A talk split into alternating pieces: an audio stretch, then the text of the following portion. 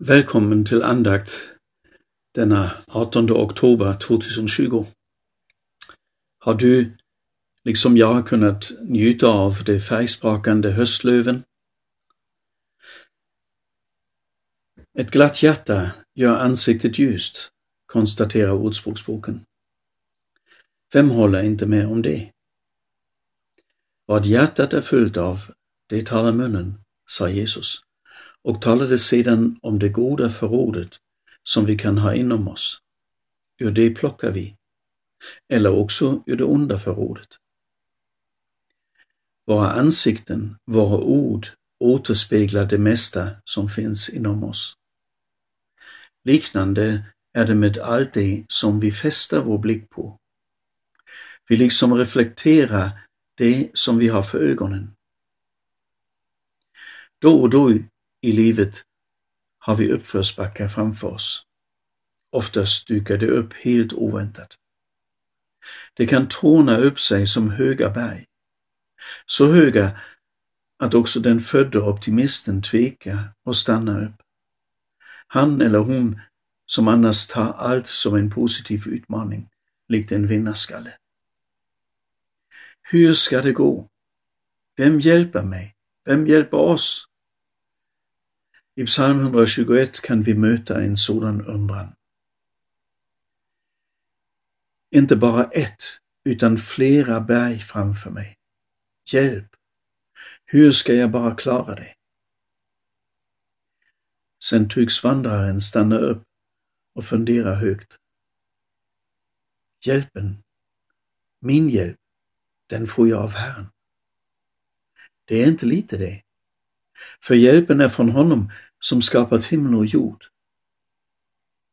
Resonemanget fortsätter sedan igenom psalmens få verser. Med målande jämförelser, men ändå saklig och nykter i sina slutsatser. Mellan orden anar vi lång livserfarenhet. Svårigheter och livshotande faror är inte något främmande ord. I slutet mynnar eftertanken ut i den märkliga ordföljden. Han ska bevara din utgång och din ingång.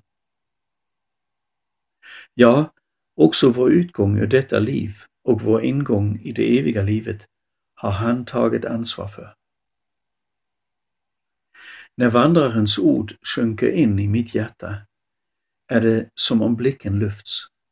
Från bergen, från problemen, från min undran, min fruktan eller vad det nu må vara för nöd, upp till honom som är större, till Herren som har det helt och hållet andra perspektivet. Men vad har nu det här att göra med höstlöv? Det finns väl knappast någon som inte njuter av höstlövens granna färger. Speciellt praktfullt är det en dag som denna, då inga moln finns i vägen. Solens ljus når obehindrat fram så att löven reflekterar det med sina sprakande färger. Vilken prakt! Temperaturen kan vara låg och minna om att vintern lyrar bakom knuten. Ändå känns det som om detta storslagna färgspel värmer och gläder oss. Glädjen syns Gör ansiktet ljust, läste vi. När vår blick lyfts upp mot ljuset, då värms vi och då reflekteras ljuset av våra ansikten. Det värmer inte bara oss, utan också andra, ja, gläder andra. Utan att vi behöver göra den minsta ansträngning. Bara se till att inga hinder kommer i vägen. Det låter alltför enkelt, tänker du.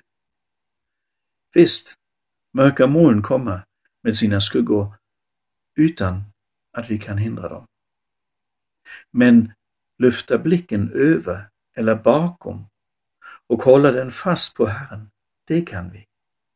Och tryta kraften så har vi varandra till att hjälpas åt och påminna varandra reflektera Guds ljus och hopp in i denna mörka värld. Finns det någon bättre uppgift? Med det önskar jag dig en riktigt god vecka.